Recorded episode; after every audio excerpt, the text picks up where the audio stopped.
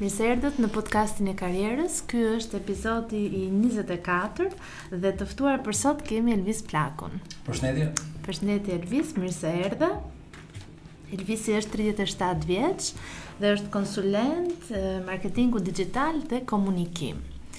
Ne jemi ulur sot në ambientet e qendrës Lincoln e, në blok. Në blok, po. Dhe arsyeja pse jemi ulur këtu sot është sepse ti je konsulent i qendrës Lincoln për sa i përket e, komunikimit dhe marketingut dixhital. Pra, pas një pas një diplomimi në në Amerikë, për ku ti ke studiuar në masterin pra e ke bërë për administrim biznesi dhe bachelor për uh, studime të përgjithshme ku hynte psikologjia, filozofia dhe muzika. Muzika. Mhm. 5 vjet.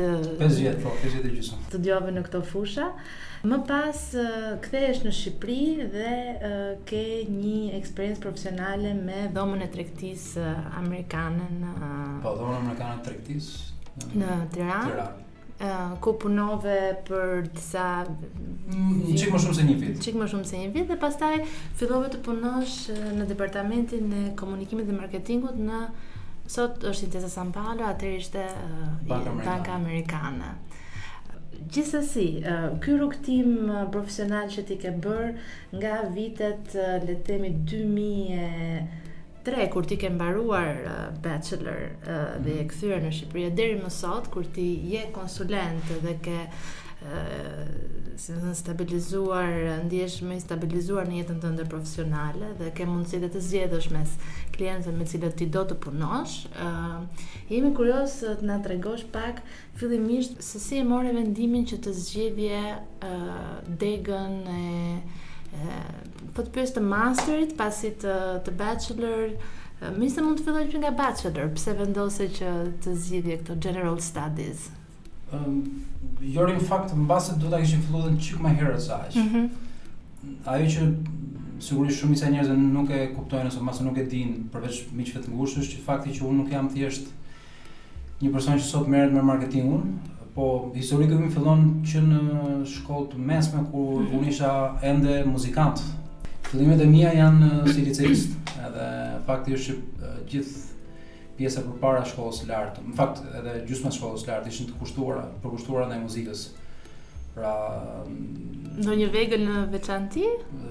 Më shumë se një faktikisht, sepse unë i kam rënë trompës mm -hmm. profesionalisht për 12 vjet. Për një kohë ishte piano, se ishte edhe pjesë le themi i formimit të përgjithshëm uh, muzikor që ofronte edhe shkolla dhe sigurisht kishte mundësi që ta mm. mësoje. Mm. Por ndërkohë kam dhënë koncerte, pra kam pas uh, kam qenë drejtues i një bande uh, dhe kemi dhënë koncerte edhe tek amfiteatri i Tiranës, pra ishte koncert një nga koncertet më të mëdha që bëmë. Dhe kuptohet koncerte të tjera të vogla, pra le të themi që kam shkuar nga njëri ekstrem mm -hmm. në thonjza, në, në ekstremin tjetër ajo që unë bëj sot dhe mbi të gjitha kam ndjekur besoj që fati im që kam ndjekur në, në shumicën e kohës kam ndjekur pasionin tim. Dhe uh, ishte koha në fakt që unë u shkëputa nga, domethënë, mbasi mbarova të mesmen, që u shkëputa për studimet në Amerikë. Kjo ishte edhe koha ku unë ndoshta edhe distanca, uh, edhe Duke qenë që u bëra më i vetëdijshëm që shiko, muzika nuk është nuk do jetë e ardhmja ose nuk dua që të jetë e ardhmja ime për faktin që kisha zgjedhur që në fillim, kisha vendosur para se të nisesha, mm -hmm. por edhe kur shkova, por edhe kur u ktheva është gjithmonë me dëshirën dhe me vendimin që do kthehem të jetoj dhe të punoj në Shqipëri. Mm -hmm. Pra ky ka qenë një vendim i hershëm i imi dhe shumë veta çuditen edhe sot kur më thonë po çfarë do ti këtu, pse nuk Dhe vitet ku ti jetove në Amerikë nuk ta lëkundën këtë bindje që kishe? Uh, me thënë të vërtetën jo. Uh, Sigurisht e kam kaluar nëpër mendje, por fakti është që isha i kthjellët në atë çfarë doja të realizoja, atë çfarë mhm. doja të bëja.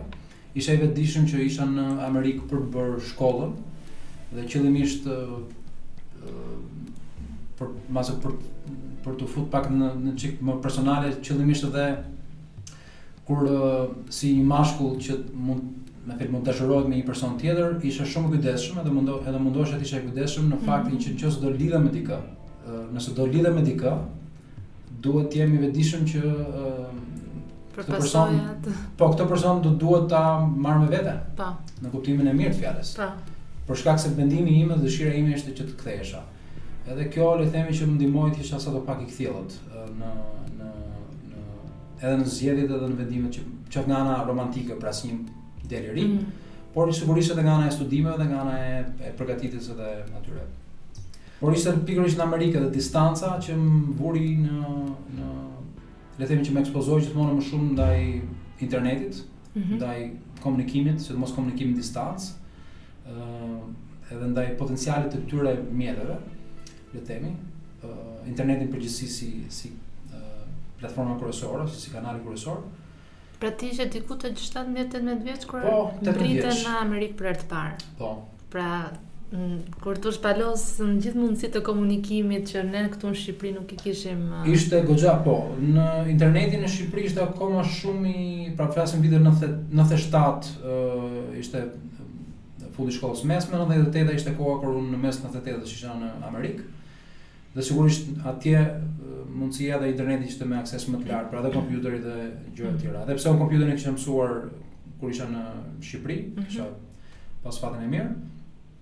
Por aksesi në internet e te informacioni ishte sigurisht në Shqipëri shumë i kufizuar, ndërkohë që atje edhe si student ë madje me me pak ndihmë edhe nga miqtë ndërtova edhe kompjuterin tim të parë, të cilin e mhm. kam akoma dhe sot, domethënë e solla dorazi nga Amerika, është një sipërmarrje më vete, po ideja është që e ndërtova vetë, ndërrova pjesët vetë, sot nuk merrem më me atë punë, por Po domethënë, përveç anës muzikore, ishe i dhënë edhe pas anës teknike. Anës teknike, sigurisht, po.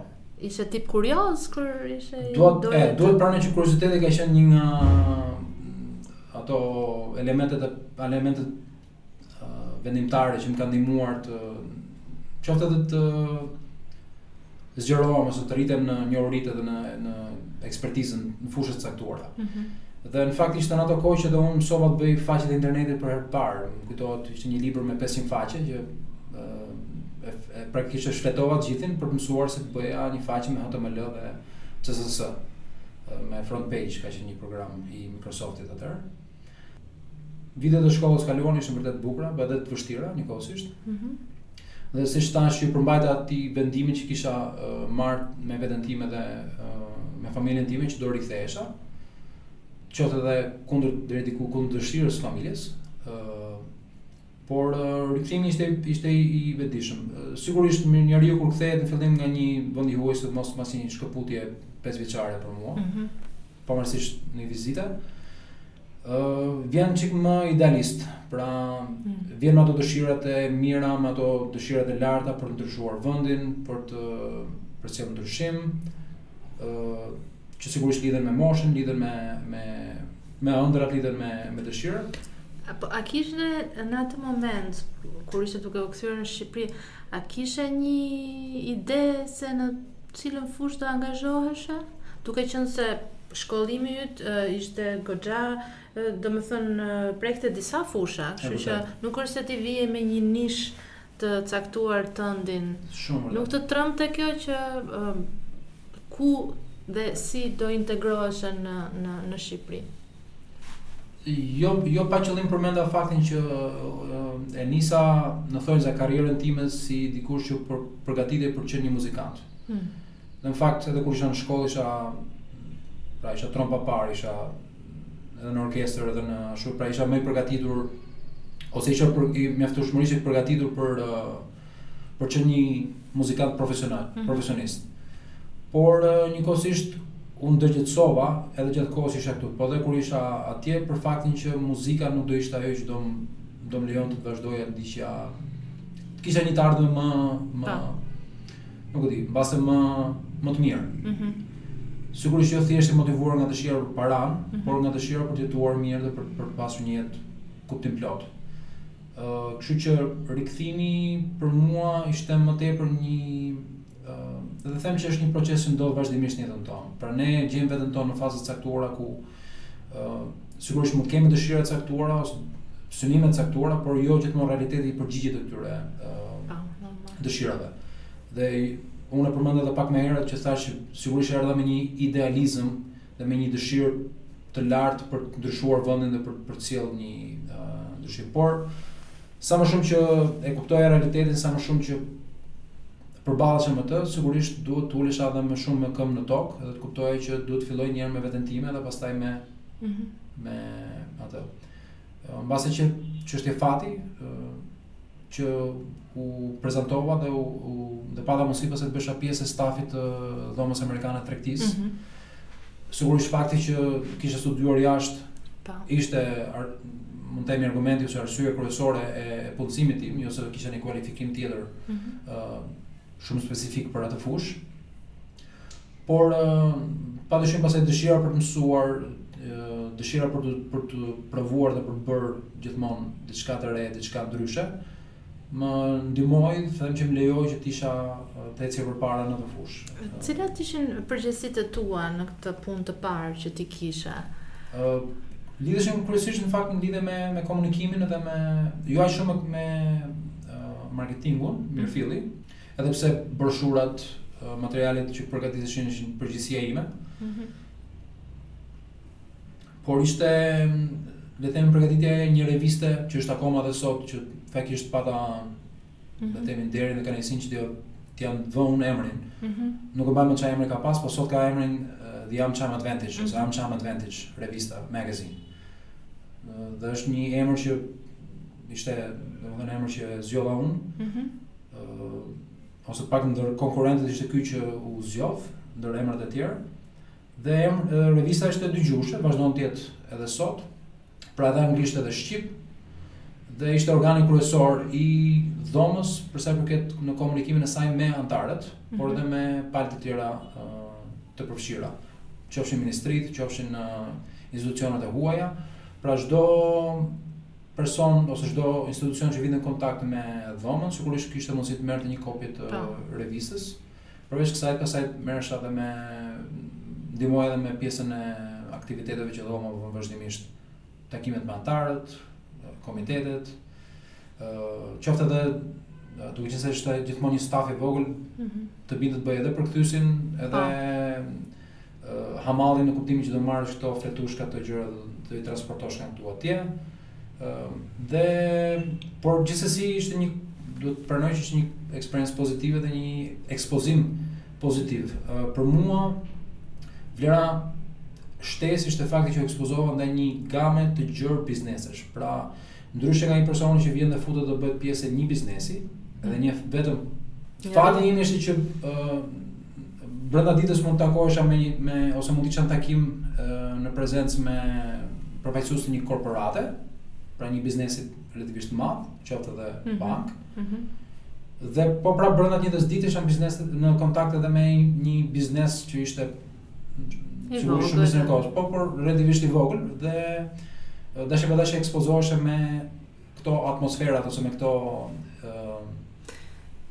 cilat nga aftësitë e tua ndjeve që gjatë kësaj eksperience njëvjeçare pak a shumë t'u mprehën, domethënë disa aftësi që ti me të cilat re në kontakt gjatë kësaj eksperience të parë, domethënë Ti kishe lënë pas botën akademike, tani ishte profesioni, puna jote e parë. Nuk e di në qoftë se mund ta quash aftësi, se sa një uh, cilësi ose një, një, uh, një vlerë, po them që është vlen në, në, në çdo rast. Për mua një nga aspektet e, e ose prirjet e mia është të jem kurioz. Unë dua gjithmonë të mësoj, mm. dua gjithmonë të rritem. Dhe nuk motivohem nga fakti që thjesht po bëj një punë, edhe po e mbaroj këtë punë, por nga fakti që si mund ta bëj më mirë këtë punë. Mm -hmm. Si mund të uh, si mund ta çojmë përpara, si mund të formoj një vizion edhe më të gjërë të, të, të një procesi ose një... Dhe këshu e shihje edhe atëhere? Po, që në shkollë, fakti është që edhe kur isha që studioja, ndodhte jo rrallë, që brënda studimeve shpeshherë ndaloja për të hulumtuar edhe më thellë mbi një temë të caktuar që trajtohej. Ah. Dhe nuk është nuk është për mburrje, por kur u ktheva nga studimet nga shkolla kisha vetëm dy valixhe dhe vetëm libra. Motherboardin dhe 10 kuti me libra. Kështu që them që tregon deri diku ku ishte fokusi dhe ku ishte kush peshonte më shumë po, bagazhi. Kush ishin prirjet e mia, domethënë. Pra ishte një kuriozitet i brendshëm, një dëshirë për të mësuar, një dëshirë E prirur nga kurioziteti, interesimi, edhe çfarë lloj emri tjetër që mund t'i vëmë si si Hapi yt i radhës është fillimi i punës në ish bankën amerikane. Mm -hmm. Ku punoje në departamentin e marketingut, Dhe po më tregoje pak më parë që banka kishte rreth 500 punonjës po.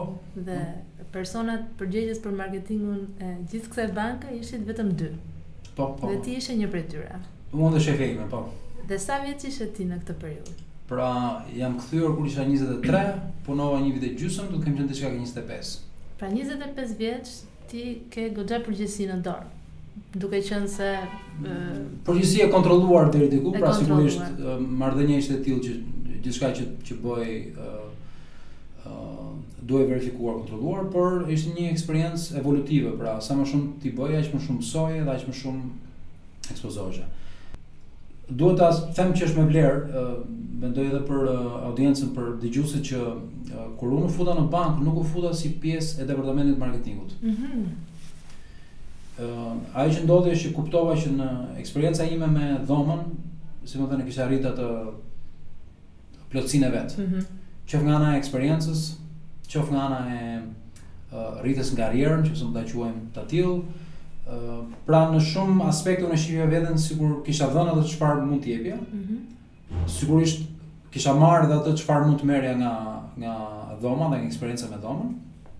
Dhe nëse do vazhdoja më tej me dhomën, do ishte më tepër një marrëdhënie e atij personit që ka një vend pune Po. Bën atë gjë edhe është i kënaqur me veten tij, me veten e vet. Mm -hmm. Gjë që nuk mendoja se për, më përfaqësonte realitetin edhe atë çfarë çfarë unë doja të realizoja me veten time. Mm -hmm. Që në këtë kohë bëra edhe një kërkesë nëpërmjet kontakteve bëra një kërkesë te pranë uh, bankës. Mm -hmm. Për shkak se aty ishte edhe marrëdhënia me uh, me Bankën ku thash dua të lëviz nga dhoma, ju lutem ndihmoni gjej një vend tjetër pune. Ëh. Mm dhe fakti është që unë për efektivisht si fizikisht për 6 muaj unë kam qenë pjesë e departamentit të kartave. Pra, që do të thotë? Që do të thotë ëh kartat, departamenti i kartave me merrej edhe merret akoma me bërjen e kartës, procesimin e kartës, verifikimin e transaksioneve, ë Mhm. E qartë. Gjithë këto procese të tjera që janë të bankës, nuk besoj se kanë nevojë të futem, por ajo që ndodhi është për shkak të prirjeve t'i quajmë të mia. Ëh. Mm -hmm. Kur unë shifja një kartë të caktuar, mendja ime ishte që shiko, po sikur ta bëjmë shkrimin çik më ndryshe. Ëh. kemi këtë produktin tjetër që mund që në atë rast ishin poset, ishin këto POS, janë këto pajisjet e vogla për blerje me kartë. Po, po, po. Edhe kjo është edhe periudha që u futën ato si produkte nëpërmjet ba, uh, Banka Amerikanë nuk ishte e para, por ishte ndër të parat mm -hmm. që i futi si produkt. Kështu që dhe për ato duhet bëja një pra prirja ime ishte që, që të kontribuoja me, le të themi, me marketingun ose me mhm. komunikimin e këtyre produkteve. Mm -hmm. Edhe pse nuk isha një person që shkonte që binte në kontakt me me klientët, pra nuk isha nuk merresha me shitjen e këtyre lloj produktesh. Dhe kjo prirje u vu re edhe nga mm -hmm. stafi i brendshëm i bankës dhe efektivisht brenda 3 muajsh emri im u propozua për të lëvizur te departamenti i marketingut. Mm -hmm. Por për efekt zyre dhe ambientesh unë ndenja 6 muaj. Te kartat. Edhe procedurash ndenja 6 muaj tek departamenti i kartave. Mm -hmm. Isha goxha uh, ishte goxha interesante se efektivisht ishin zakonisht minimalisht 11 deri në 13 14 Vajza dhe Elvisi, që punonin gjithë në një sallë të madhe, në një ambient të përbashkët, sigurisht, në tavolinën e vet, gjithsecili, por që edhe Elvisi u bë pjesë e gocave, në kuptimin e mirë të fjalës, sepse ato u ratuan aq shumë me mhm. pra edhe në muhabetet dhe mënyrën e komunikimit, por sigurisht është një marrëdhënie kolegësh dhe një marrëdhënie Dhe si do si, si është të punosh në departament marketingu brenda bankës, pra cilat janë ato detyrat kyçe që që ishte që ishin aty për ty. Ajo që është interesante që në 5 vjet që unë punova për bankën, titulli im ndryshoi të paktën 3 herë. Mm -hmm.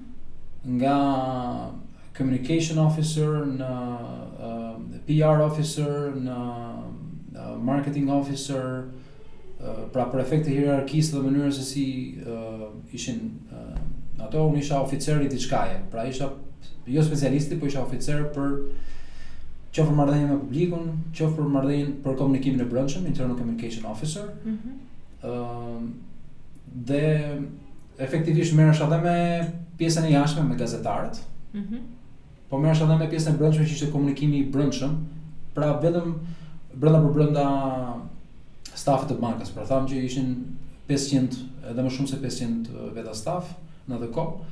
Edhe ne përgatisim një newsletter, një një mm -hmm. uh, botim të vogël, një organ të vogël uh, komunikimi që ishte vetëm për stafin e brendshëm. Mm -hmm. Dhe sigurisht ishte përgjegjësia ime për ta menaxhuar për ta ashtu. Ndërkohë përveç kësaj merresha me fletushkat, Pra isha përfshirë që nga a-ja te zh-ja me fletushkat deri te printimi dhe shpërndarja. E njëjta gjë me librin e vitit, pra gjithë publikimet e brendshme mm -hmm. ose botimet që bënte vetë banka, këto ishin pjesë e përgjegjësive që ë qoftë në total ose në pjesë të mëdha të saj duhet t'i prekja ose duhet të isha pjesë e këtyre procedurave. ë Dhe sigurisht në organizimin e aktiviteteve që banka bënte, do të isha në prezent, qoftë duke panairet për shembull, do të isha isha personi që e ndiqja dhe do të merresha me koordinimin dhe me mhm. pra nuk është se do të rrija në në stand, por do të do të bënim një orar për personat që do rrinin në stand. Mm -hmm. Koordinohesha me uh, organizatorët e panairit, me printer, me me printerat për materialet që do printoheshin, mm -hmm. me dizajnin, tjera, tjera, tjera. Megjithatë pas 5 vitesh ti Prap vendos të ndërrosh kurs. Po. Edhe në fakt 5 vjet ishin çik shumë. ë nga eksperienca ime në bankë, po të them që kisha një arsye të mirë që qëndrova aq sa qëndrova. Sepse ndërkohë, gjatë kohës që isha në bankë, le të themi që në vitin e tretë, unë edhe më përpara bashkë me një shokun tim, miq të ngushtë prej prej klasës së pestë. Efektivisht, kishim tentuar disa dhe kishim provuar ose konsideruar disa ide biznesi. Mm -hmm. filluam, madje filluam një agjensi lajmesh anglisht, pra një faqe me lajme. Po, edhe cilën e mbajtëm, nuk e mbajtëm dhe aq, po është akoma, faqe është akoma live, edhe pse nuk, nuk është e kontribuojmë shumë tashmë në këtë periudhë. Mm -hmm. Një ide tjetër që konsideruam mhm. ishte prodhimi i çokolladave. Mhm. Mm pra, nga do vinin çokolladat? Do të prodhohej, lënda e parë do merrej nga jashtë, po po prodhimi do bëhej këtu, okay. prodhimi paketimi. Edhe prodhimi këtu. Po. Ishte ishte një ide që ne konsideruam. Mbi të gjitha nuk donim që të bënim atë që po bënin të gjithë. Donim që të ishte një ide që ishte me vlerë për ne dhe Çfarë po bënin të gjithë në ato vite? Po hapnin kafe ose ah. kioska. Edhe kështu që ne nuk na sigurisht ideja e kafes s'ka të thotë se s'ka të bukurën e vet, por nga ana tjetër prapë është nuk nuk besojmë se se sjell aq vlerë. Mirëpo, ë një gjë tjetër që na bashkon dhe na bashkon akoma është dashuria për librin. Mm -hmm. Pra jo pa jo pa jo për t'u mburrur, por jo pa qëllim përmenda faktin që që kisha vetëm dy valixhe, pjesa tjetër ishin Po. Libra, sepse prirja, dëshira ime është akoma dhe më ngelet libri. Pra dashuria për librin është dhe ishte pikërisht kjo vlera që na na bashkoi. Uh, ortaku dhe miku im i ngushtë uh, kishte fatin e mirë që kishte trashëguar nga i ati uh, një një bibliotekë të madhe, goxha të madhe, libra të cilat i kam huazuar dhe unë. Dhe sigurisht që dhe ai domethënë kishte kishim të dy njëjtën prirje, pra dëshira për librin. Edhe kështu që natyrshëm na lindi kjo duke sjellë aftësitë e mia teknike për krijimin e një faqe dhe ndërtimin e një platforme e-commerce mm -hmm. online uh, dhe uh, aftësive të ortakut tim për të shkruar, përgatitur uh, edhe menaxhuar aspekte që lidhen me ndërtimin e këtij biznesi. Kjo na bëri që të fillonim atë që në fillim e quajtëm Libra Shitsi, që e hapëm me emrin Libra Shit dhe kjo është një tjetër kuriozitet që është për shkak interneti që është kryesisht në gjuhën angleze, Libra mm. Shitsi, fjala shit nuk ka kuptim të mirë në, në anglisht, kështu që u detyruam të abandonojmë atë atë term. Edhe zgjodhëm një emër tjetër që është edhe sot shtëpia e librit. që është ende dhe sot që është edhe sot dhe vazhdon prej 9 vitesh. Dhe vetëm në Antarktidë nuk kemi çuar libra, por në çdo kontinent tjetër them që kemi çuar libra. Kështu që kjo kjo ndërthuri dhe anën tënde një nga anët tua, aftësitë tua që që mund të quhen si t'i quajmë, informatike, programatike. Po. me dashurinë tënde për librin mm -hmm. dhe uh, u materializua në një në një website uh, e-commerce, business in po. field, shtëpia e librit, por më vonë ju patët edhe zhvillime të tjera si siç ishte të paturit një librarie fizike aktuale apo jo. Ja. Po. Që rrodhi nga ky projekt. Po, po, po. Në fakt, ishte komplet e natyrshme për ne dhe them për këdo, që duke qenë se u morëm edhe po merreshim prej gati dy vite ca, tre vitesh me librin, që herët na lindte dëshira për të pasur një librari tonën, pra një vënd që neve mund ta kishim si pikë reference, jo vetëm thjesht për veten tonë, mhm. në funksion të biznesit, por edhe në funksion të lexuesve të atyre që janë që edhe sot janë klientë tanët prej vitesh. Dhe ajo në një farë mënyrë u bë dhe një sebeb shumë i mirë për mua, që në momentin që u shkëputa nga banka, t'i përkushtoja efektivisht 3 vite të tëra të merresha me pjesën që nga hapja, menaxhimi, administrimi, ë dhe sigurisht dhe marketingu i një librarie, e cila ishte virtuale dhe fizike. Mm -hmm. Dhe hapja e librarisë ishte sigurisht sfiduese, sepse ishte një eksperiencë komplet e re. ë uh, Madje por duke qenë se asnjëri prej nesh flas midis meje dhe ortakut nuk vinim nga një familje me tradita tregtare, pra nuk është se ishim marrë me tregti. As nga nga nga familja ime ose nga as nga familja e ortakut, që nuk është se edhe edhe për prindërit tanë është një koncept ë disi i çuditshëm ose i, i por gjithsesi ishte dëshira e mirë dhe them që kjo na ndihmoi që të përballeshim me sfidat që përball çdo biznes i ri dhe sigurisht të ekspozoheshim ndaj një eksperience që ë Në të përgjithshme them që ka qenë goxha pozitive, të paktën për mua si Elvis, edhe pse ishte i lodhshëm, sepse shpeshherë për nënkuptonte që do të isha fizikisht prezent nga ora 9 deri në ora 9 mm. në në librari.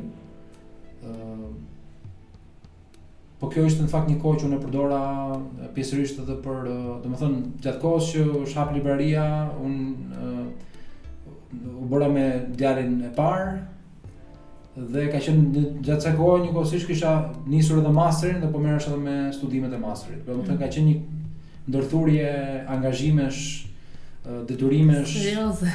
Serioze, por që të them që nuk do kisha arritë t'i bëja po mos mos këto dy të tjerat, nuk do kisha arritë t'i menaxhoja dot. Po mos kisha pasur këtë lloj konfigurimi në thonjza. Qartë. Pra sigurisht angazhimi me një biznes që është biznes i joti dhe ke një farë lehtësie në në ë lehtësie në thonjza, por sigurisht përgjegjësi edhe më të madhe sepse gjithçka varet nga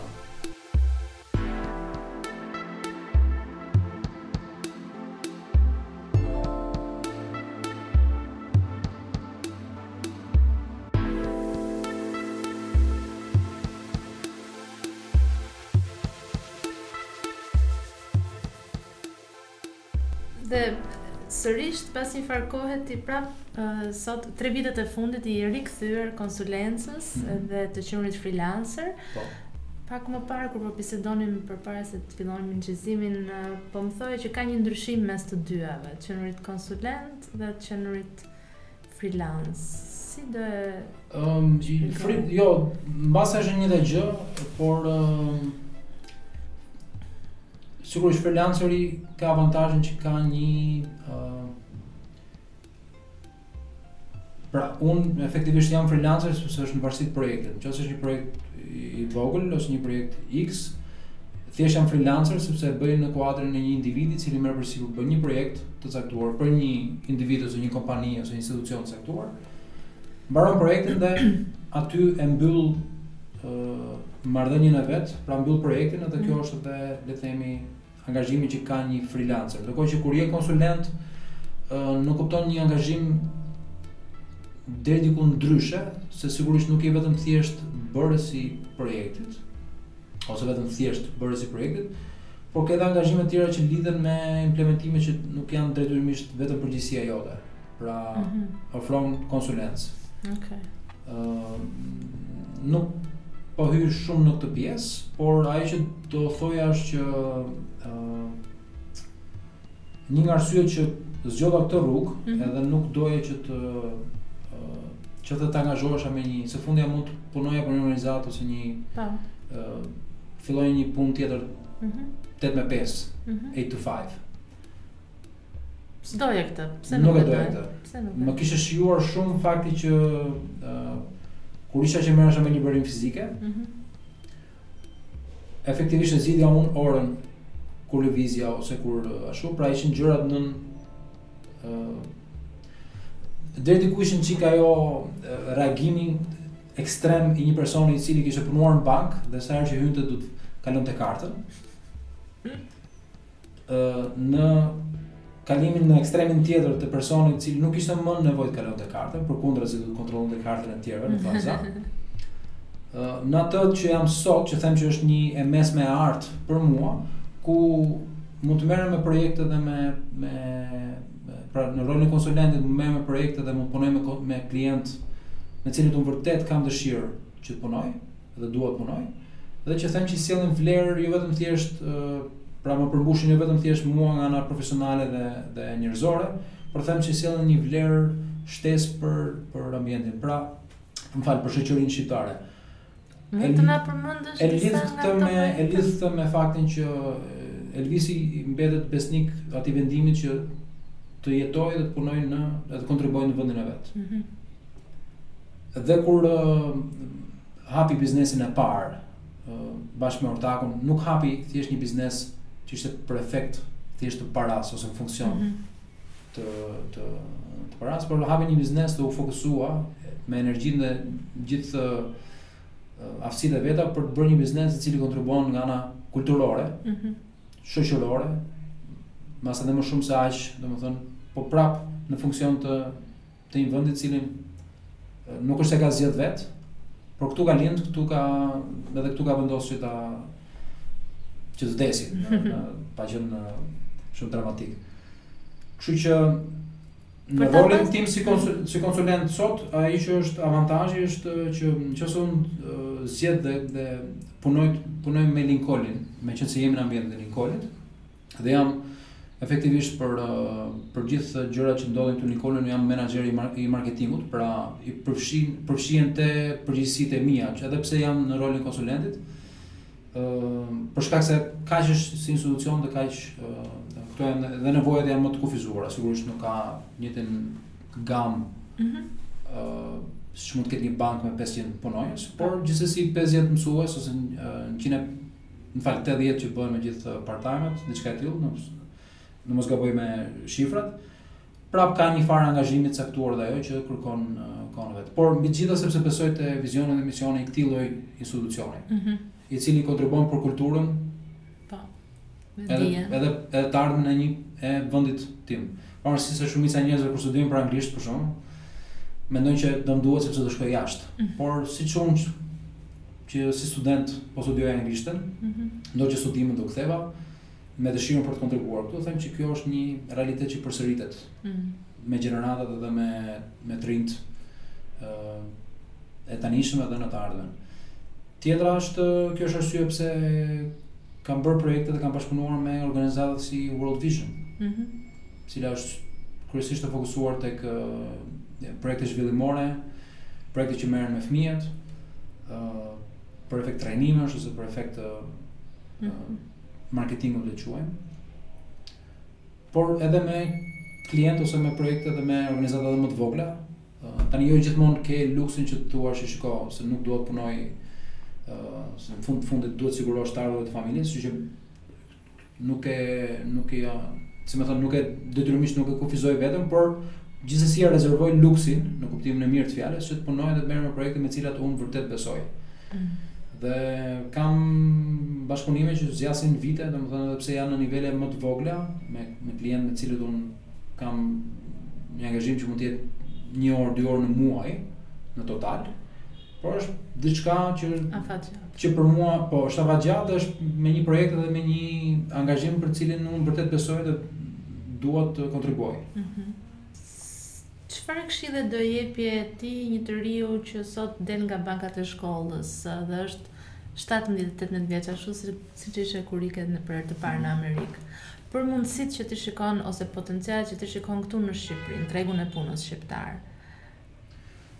Po Jori, unë do ta qasja pak ndryshe ë situatën. Pra nuk është se nuk po i përgjigjem pyetjes, po dua të theksoj një element tjetër që mbase nuk e nuk e kam theksuar. Profesionalisht un jam vazhdimisht duke mësuar dhe duke u rritur. Dhe nuk ka rëndësi se çfarë e jam duke bërë tani ose çfarë do dua të bëj, e rëndësishme është që jam vazhdimisht duke studiuar, vazhdimisht duke u maturuar në njohuritë dhe në aftësitë e mia. Dhe qoftë kur isha në bank, që punoja për bankën, dëshira për të ishte dëshira në radhë të parë, sigurisht, për bërë diçka ndryshe, më shtyu që të mësoja se si të bëj një faqe e-commerce. Pra nuk kishte të bënte fare me bankën, nuk kishte të bënte fare me pozicionin që unë përmbushja aty. Mm -hmm. Kishte të bënte me dëshirën për për të ndjekur pasionin. Kështu që them që kjo është një motivues i i, i nevojshëm. Por sigurisht ndjekja e pasionit do të thotë që do të kesh edhe një lloj disipline dhe një lloj plani, planifikimi. Ë uh, pra ku do të shkosh, çfarë do të arrish?